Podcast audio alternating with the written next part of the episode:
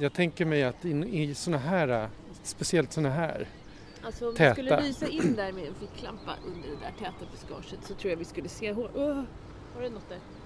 jag tänkte till och med se, bara för att du sa det här med att lysa så måste jag... Ja. Okej, är- jag går och lyser lite här. Är du beredd? Jag står här borta. Mm. Går det bra eller? Ja. Den här gången har Natur på SL-kortet gjort ett stopp vid Medborgarplatsen. Men vi hade kunnat ta vilken station som helst för att skildra avsnittets fokusdjur. För den finns verkligen överallt. Råttan. Eller brunråttan för att vara mer specifik. Gnagaren som har erövrat världen, som har gått i människans fotspår och frodas, överallt där vi frodas. Som frodas tack vare oss. Med mig har jag Frida Stark Lindfors, en gammal vän och historiker som jobbar som antikvarie och utställningsproducent på Stockholms stadsmuseum. Jag hoppas att vi ska kunna prata lite råtthistoria. För Stockholm är såklart inte bara människans stad, det är råttornas stad också. Men nu är ju Frida inte bara duktig på historia. Hon är också livrädd för råttor och det är bara att erkänna. Jag hoppas just därför att vi ska stöta på en råtta, eller två. Jag vill gärna få se hur en råttfobiker reagerar vid ett råttmöte. Fast å andra sidan har Frida inte råttfobi, hävdar hon. Alltså under de senaste åren tycker jag att jag har sett så många råttor på stan och ganska många hemma där jag bor vid min tunnelbanestation. Där hade vi en blind råtta ett tag som bodde. Som sprang in i väggar. Ja, det kan vi ta sen. Eh, men... Eh, och en halv råtta på, på perrongen har jag sett hemma. Det bor en råtta som någon matade med kex. Inte också. den halva råttan. Nej, det var inte den halva för det var nämligen bakdelen som var kvar på den halva råttan så den kunde inte äta kex. Nej. Ja, men och det har på något sätt triggat igång en sorts rädsla som jag tydligen hade. Som jag nu är väldigt uppmärksam. Men nu är jag ju så här som en fobiker är att jag är väldigt uppmärksam och ser också eh, råttor överallt så fort. Alltså innan andra ser dem och ser även andra saker som inte är råttor som jag tror är råttor. Men skulle du säga att du har fobi? Nej, det skulle jag inte säga. Det ska, då ska det begränsa en i ens vardag, eller hur? Mm, Ja. jag tror det. Nej, jag tror inte det riktigt. Inte riktigt. Men det ligger nog och vilar lite på gränsen. Jag har ett undvikande beteende i alla fall. De senaste åren har det i media rapporterats om en rad råttinvasioner i Stockholm. Nyligen skrevs det i lokalmedia om en familj i Solna som fick besök av en 40 centimeter lång råtta, svansen ej inräknad i längden. Råttan uppmärksammades först av familjen då det uppstod märkliga dunkanden under diskbänken. När råttan fastnade i en råttfälla var den för stor för att dö direkt. Istället drog den iväg för att sakta dö bakom lägenhetens vitvaror. Och familjens katt drog sig undan så länge den jämnstora råttan var vid liv. Och inte minst Östermalm har drabbats av flera råttinvasioner. Vid anrika och flotta byggnader som Östermalmshallen och Dramaten har Anticimex haft fullt upp. På till exempel Dramaten var det under 2016 framförallt biljettkassan som fick oönskade besök via ett hål mot Nybrogatan. Och runt Karlaplan skapade Gnagarna rubriker nyligen då deras täta besök till soptunnorna på Karlavägen skapade riktiga råttstigar i gräsmattorna. Men bortom alla dessa historier och rubriker sitter nu jag och Frida i Björns trädgård. Den bedagade parken med ledsna träd och skateboardramper alldeles intill den mer kända Medborgarplatsen. Björns trädgård är en plats för människor med olika problem och utmaningar i livet. Och för råttor, inbillar jag mig i alla fall.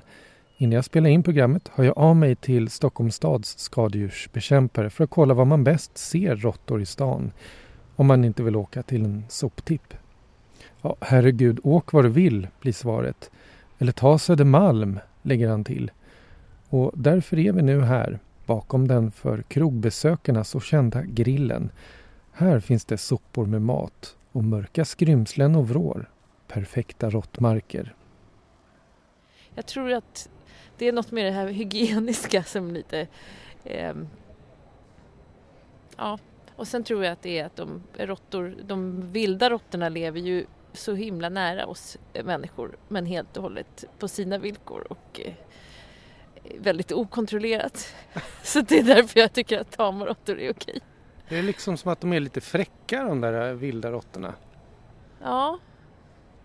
Och sen finns det ju som du sa ganska mycket mytbildning. Antagligen påverkas man väl av det. Att, de, att det finns så många. Det, det, går aldrig att bekämpa dem. De kommer alltid vara lika många som människorna på platsen eller fler eller något sånt där. Det hör man ju ständigt. Um, att det, de har någon sorts, de är liksom lite starka på något sätt i sin... Föreställningen om dem är att de är så starka och väldigt smarta djur. Det är inte något man lurar. Jag har läst att de skickar in de svaga och små och de som är lågt i rang för att kolla om det är råttgift till exempel i maten innan de som är högt i rang får gå in och, eller går in och äter. Och att de som man ser oftast är de som är Eh, på dagen i alla fall, som är ute och letar mat i dagsljus för det är förstås lite farligare mm. för dem. Det är också de som är lågt i rang. Och det betyder i min föreställningsvärld att de här som är 30 cm långa, som vi också har läst att de kan bli, utan svans, de kommer ju aldrig äta råttgiftet. Eller Nej. gå i någon fälla eller någonting. För de kommer ju bara eh, hålla sig undan. Skrocka nere i gångarna. Ja, precis. Och para sig och göra fler råttor. För det har jag också läst att en råtthanne kan para sig 20 gånger per dygn. Va, va, men vad tänker du när du läser alla de här sakerna? Det som jag faktiskt tänkte på idag när jag gjorde, eftersom jag läste, lite extra, läste på lite om råttor idag, då flim, fladdrade det förbi någonstans att enda sättet att liksom begränsa antalet råttor det är att, att städa, att inte slänga saker som de kan äta och eh, det är ju väldigt, vi har ju ett enormt överflöd, vi slänger ju väldigt mycket som vi kan äta. Så tänker jag att de frodas ju i vårt överflöd de också, precis som vi själva gör. Så mm. det är ju lite en tankeställare kanske. För att de kommer ju alltid leva, de, det är ju säkert det är ju många, många tusen år sedan som råttor började leva nära människor för mm. att det var bra för dem. Precis som hundar och katter började göra. Fast de råkade bli våra husdjur och råttorna blev skadedjur. Det var också något som var lite roligt att tänka på. Att det kanske kunde, tänk om det hade blivit så ja. katterna som var skadedjur och råttorna som var husdjur. ja. ja, men skulle du kunna tänka dig att ha en råtta som husdjur? Och vad skulle den i så fall heta? Ja, alltså i princip lika väl som att, alltså jag tål till exempel inte katter ju, så att, men lika väl som att jag skulle kunna ha en katt eller en hund så skulle jag väl i princip kunna ha en råtta. Nu har jag ingen längtan efter husdjur just nu i alla fall, men vad skulle den heta? Mm, alltså om barnen fick vara med och bestämma skulle den säkert heta Rotatouille. Det är ju så en, en hjälteråtta, som en positiv råttfigur. Mm. Eh, Men du, vi... har du sett någon råtta här nu förresten? Nej, det har jag inte. Nej. Klockan är väl eh, runt halv tio på kvällen, en fredagkväll. Eh, och det är väldigt mycket folk i farten här. Ja. Eh, kroglivet är i full sving kan man säga. Här på Södermalm. Det kanske är lite tidigt för råttornas, råttornas fredagskväll. De har väl mer en fredagnatt på gång. Ja, och jag måste säga, det här är kanske lite oroväckande för, vårt, för, för ditt för reportage, men jag har sett väldigt lite råttor på sista tiden. Mm. eh, faktiskt. Mm. Så jag vet inte om de har gjort någon så här bekämpningsinsats. Mm. Så alla de här svaga råttorna som, som äter råttgift har gått åt. om närvaron på en grizzlybjörn är en indikator på hur vilt ett område är på hur utsträckt det obebodda habitatet är så blir råttan en indikator på människans närvaro. Det skriver Robert Sullivan i sin bok Rats. Under ett år satt han under nätterna på en bakgata på Manhattan för att spana på råttor. Han pratade med skadedjursbekämpare och råttälskare och biologer och han skriver i New York City lever faktiskt de flesta råttor i tyst desperation. Gömmer sig under människans bord, stressar, kilar skräckslagna iväg, hotas av större råttor. Och det borde väl gälla också i Stockholm. Och att vara så oönskad sätter sina spår. En råtta blir sällan mer än något år. Å andra sidan har ju råttor en häpnadsväckande reproduktionsförmåga. Råkar du befinna dig i New York eller någon annan större amerikansk stad när du läser denna mening är det högst troligt att du är i närheten av två eller fler råttor som har sex, skriver Robert Sullivan. Råttor kan ha sex 20 gånger om dagen. Om det finns tillräckligt med mat kan en honråtta producera upp till 12 kullar om året med 20 råttor i varje. Ett råttpar har potentialen att få 15 000 avkomlingar på ett år. Men de flesta dör alltså. Eh, du är ju inte bara råttfobiker. Du, du pysslar ju med historia får man ändå säga en ja. hel del. Vad är det, ja för tydlighetens skull, vad är det du gör? Ja, just nu jobbar jag som utställningsproducent på Stockholms stadsmuseum. Och ni kanske inte ska ha så mycket fokus på råttor, vad vet jag. Men du kan kanske en del om råttor ändå, tänkte jag. Jag tänker att Stockholms historia är ju inte bara människans historia med staden utan det är ju kanske också råttans historia med staden. Eller hur? Ja, absolut. Och det är ju så att råttor råttorna kom ju till stan samtidigt som människorna tror jag vågar säga. Och det är klart att det fanns, råttor har ju levt nära människorna längre så. Så länge det har funnits matförråd som de har kunnat äta ur. Mm. Men i en stad är ju, bor ju människorna så tätt och det blir mycket bättre om man bor om man är en råtta på en gård så kanske man kan vara en råttfamilj men i en stad kan man ju vara många, precis mm. som människorna. Och det är ganska intressant tycker jag för att jag har förstått det som att det var först när, man, när vi började bo i städer som vi också började ha katter som husdjur. För innan dess levde inte katterna så nära. Alltså det var ett, lite så här, i Norden i alla fall ett lite misstänkt djur som hade lite negativ laddning. Men, när, men medan hunden ju har varit människans liksom, jaktkamrat och så mycket mm. längre. Men när vi börjar bo i städer så får vi ett mycket större behov av att ha katterna som husdjur för då jagar ju de råttorna. Ja. Jag vet inte hur exakt det stämmer men jag tycker att det är ganska intressant för det är ja. apropå vem var det som blev Råttorna konkurrerar med oss om vår mat och det gör egentligen inte katterna på samma sätt utan de kan hjälpa oss att försvara vår mat istället. Men eh, alltså i min lekmannavärld så ser jag framför mig att råttor måste ha frodats mycket mer längre bak i historien när vi inte hade lika bra Ja, när vi slängde sopor rakt ut på gator och det liksom var sopberg överallt och så. Hur tänker du kring det? Ja, alltså de, det var ju på ett sätt mycket mer eh, lättillgängligt men det var ju det som jag också funderade lite på nu. Har vi börjat göra det mer igen? Alltså slänga mat lite var som helst, äta en halv tunnbrödsrulle och slänga resten mm. på marken eller i en sopkorg som en råtta lätt kan eh, komma åt. Så kanske därför vi ser så mycket mer råttor nu. Men det är klart att nu finns det ju så material som råttor ändå inte kan ta sig igenom. Mm. Betong och sånt, trä och plast och så, andra material gnager ju de sig igenom hur lätt som helst. Så att, eh, lite mer uppdukat var det förstås när folk slängde slaskhinken ut på gatan. Men å andra sidan inte riktigt lika mycket att frossa i. För då, på den tiden åt ju, tog ju människor vara på i princip ja. varenda ätbar lite. Det var ju potatis eller inte potatis just, men det var ju så här skulskal som blev över, inte köttbitar.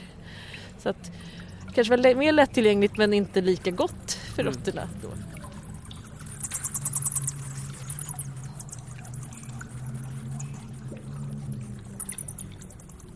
Kärt eller ökänt barn har många namn. Jordråttan, vandringsråttan, ladurråttan, åkerråttan, flyttråttan, husråttan, avloppsråttan, skeppsråttan, grändråttan, den grå råttan, den vanliga råttan och brunråttan. Den tillhör den största däggdjursordningen, gnagarna, med över 400 arter i världen. Vanligtvis är arterna små och näpna, men det gäller inte brunråttan. Om den får leva växer den till den blir ungefär 25 cm lång, svansen exkluderad. Alltså ungefär som en genomsnittlig vuxen mansfot och den kan då väga runt ett halvt kilo. Fast det finns ju större exemplar. Hur sanna historierna om de här jätteråttorna är, är såklart ofta svårt att belägga. Men råttor på över kilot ska regelbundet upptäckas av skadedjursbekämpare och andra som möter råttor i vardagen. Men varför är råttan med så många namn så illa omtyckt? Är det den kala svansen, den som liknar en fet rot eller en ondskefull parasitisk larv redo att kontaminera den mänskliga huden? Är det gnagarnas fräcka uppsyn, deras oförskämda beslut att dra nytta av vår kultur utan att be om ursäkt? Vår fyrbenta och smutsiga skuggnatur, pipande Mr Hydes som kryper i våra avlopp bärandes på loppor och virus, bajsinsmetade djur som kommer upp i våra hem för att ta vår mat och sniffa. Råttor har verkligen ett bra luktsinne till skillnad från synen som är lite halvkass. Kanske bidrar det till att cirka 50 000 människor beräknas bli bitna av råttor varje år. Många av de här är barn och spädbarn som blir bitna i ansiktet. I boken Rats skriver Robert Sullivan att det kanske beror på att vi helt enkelt luktar matrester i ansiktet. Och så är det ju det här att råttorna verkligen har bidragit till en himla massa människors död. Brunråttans nära släkting svartråttan var bärare av den loppa som spred digerdöden, alltså pesten som dödade en tredjedel av Europas befolkning under medeltiden. Alltså, varför ska vi överhuvudtaget acceptera råttan? Robert Sullivan konstaterar att råttans historia är vår historia. Vi är verkligen fantastiskt lika i vad vi gillar att äta, i att ta för oss, att vara generalister och anpassningsbara. Råttorna är överlevare och på så sätt spännande att studera. Djuren, kanske inte minst råttorna, finns inte till för vår skull. Men de frodas definitivt tack vare oss. Och för att få veta mer om just råttans frodiga tillvaro i stan kontaktade jag Tommy Tuvunger, skadedjursbekämpare på Stockholms stad.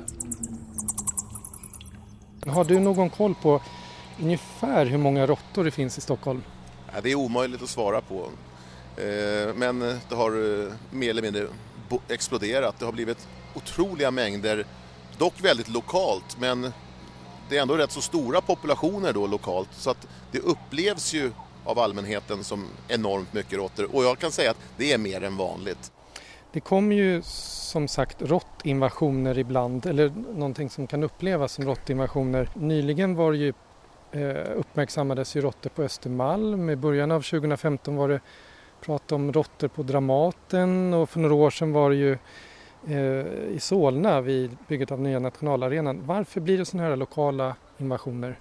Nu är ju Solna, det är inte mitt område så att säga, men eh, för att du ändå ska få ett svar på din fråga så i samband med större byggnadsprojekt när man spränger i marken, man gör mycket markarbeten då kommer man ju ner på de nivåerna i marken där råttorna normalt huserar och bor. Och då blir det per automatik att de blir synliggjorda på gatan. Sen då i samband med större byggnadsprojekt så är det ofta mycket manskapsbodar för arbetare. De här manskapsbodarna de har ju inte riktigt fullt fungerande avlopp och liknande som du har i en vanlig bostad.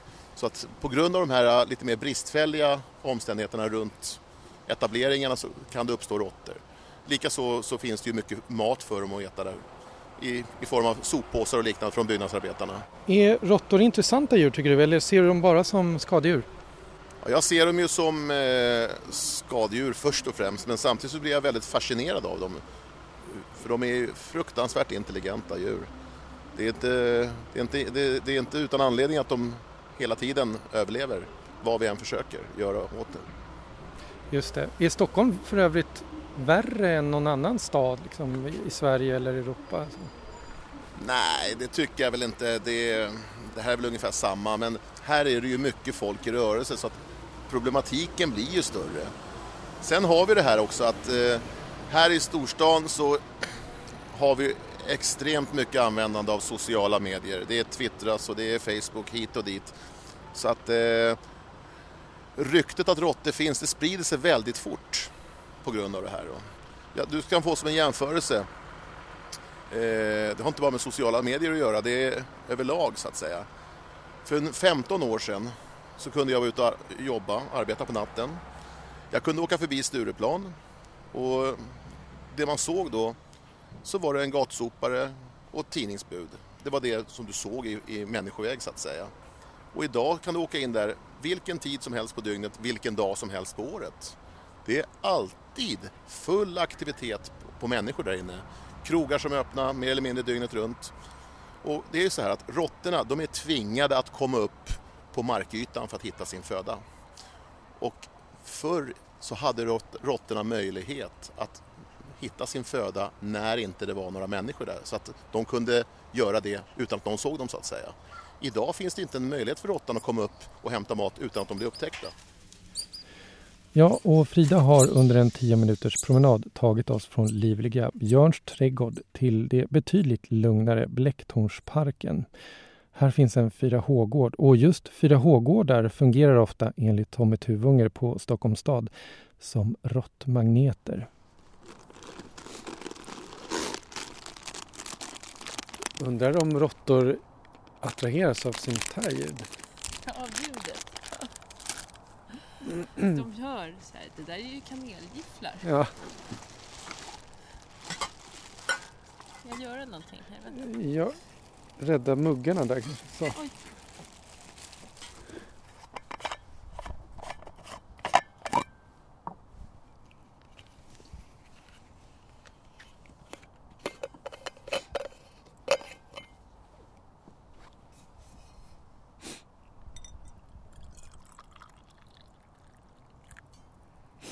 Åh, vad gott det luktar.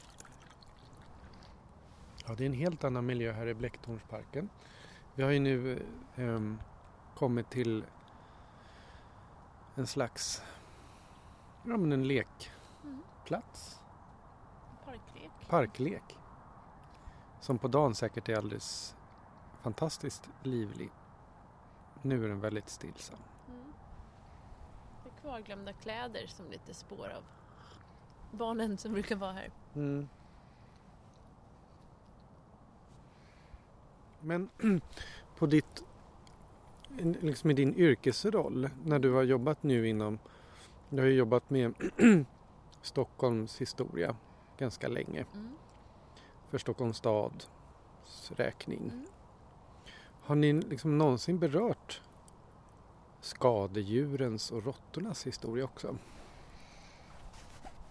Ja, det har, vi, det har vi väl gjort på olika sätt. Inte jag personligen så mycket, men det finns bland annat en barnbok som är skriven nu alldeles nyligen som handlar om en råtta. Den är väl, apropå att inga sagor och barnböcker handlar om råttor, så handlar den just om en råttfamilj som är med om olika historiska skeenden. De är som en liten sån där huvudperson som, som Mm. är med om historiska händelser och flyttar från olika ställen, ett ställe till ett annat och runt i Gamla stan och sådär.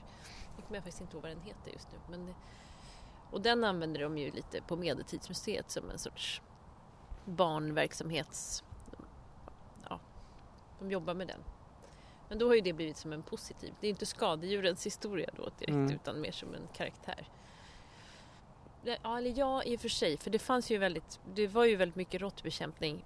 Det finns väldigt fina foton på råttinsamlare och för hundra år sedan ungefär så kunde man få, fick man pengar om man lämnade in råttsvansar. Så, så det var en sån sak som, som, uh, små, som barn, framförallt unga killar, ägnade sig åt för att tjäna lite pengar. Va? Är det sant? Ja, det är sant. Eh, Då sköt de väl slangbälla på dem eller sparkade på dem eller något så att de dödade dem och så behövde man, för att få pengen så var man ju tvungen att lämna in bevis att man hade dödat råttan och då lämnade de in svansen. Men då lämnade de också ibland in rödbets eh, istället för de är ju väldigt lika råttsvansar. Så det var ett sätt att fuska. Om man var lite uppmärksam så kunde man väl, men jag kan tänka mig att man kanske inte som kontrollanten kanske inte ville studera råttsvansarna jätte, jättenoga. Skulle inte jag vilja. Nej men du. Vi lyckades faktiskt inte se några råttor. Vi har pratat väldigt mycket, men mycket snack och lite verkstad. Precis, och jag vet inte om jag ska vara glad eller ledsen för att vi slapp träffa råttor. Mm. Men eh, det kanske är som du sa, det kanske är bra för min nattsömn att vi inte fick close encounter den här kvällen. Och vem vet, vi har nog säkert haft väldigt många close encounters. Vi har bara inte sett det äh, hända. Nej, och vi är inte hemma ännu heller. Ingen av oss. Nej. Så det kan ju hända fortfarande att vi möter på någon på vägen hem. Ja. Nej men vi gör så här att vi packar ihop och lämnar eh, platsen åt råttorna. De Ja. kommer säkert komma fram så fort vi har gått. Ja, det tror jag eftersom de är så smarta. Så, Ja. så, så är, håller de ju sig säkert undan bara för att vi är här och letar efter dem. Mm, jo men det, så är det nog. Så det känns som föreställningen om dem. i alla fall. Men de har nog koll på vårt prassel här. Det tror jag också. Ska Mm. du lämna någon bulle åt dem eller? Ja, det ska vi, vi gör det. Fast det är sämsta sättet. Utrotat. Ja, men vi, ja, men vi gör det. Som tack Ja, som, för idag. Ja. Som tack för att de inte kom fram. Ja. Okej, vi gör det. Okej, tack så mycket. Tack. Du har lyssnat på Natur på SL-kortet, en podd med mig, Stefan Nordberg. Vill du veta mer om programmet kan du gå in på hemsidan www.jurist.se eller på Facebook-sidan för Natur på SL-kortet.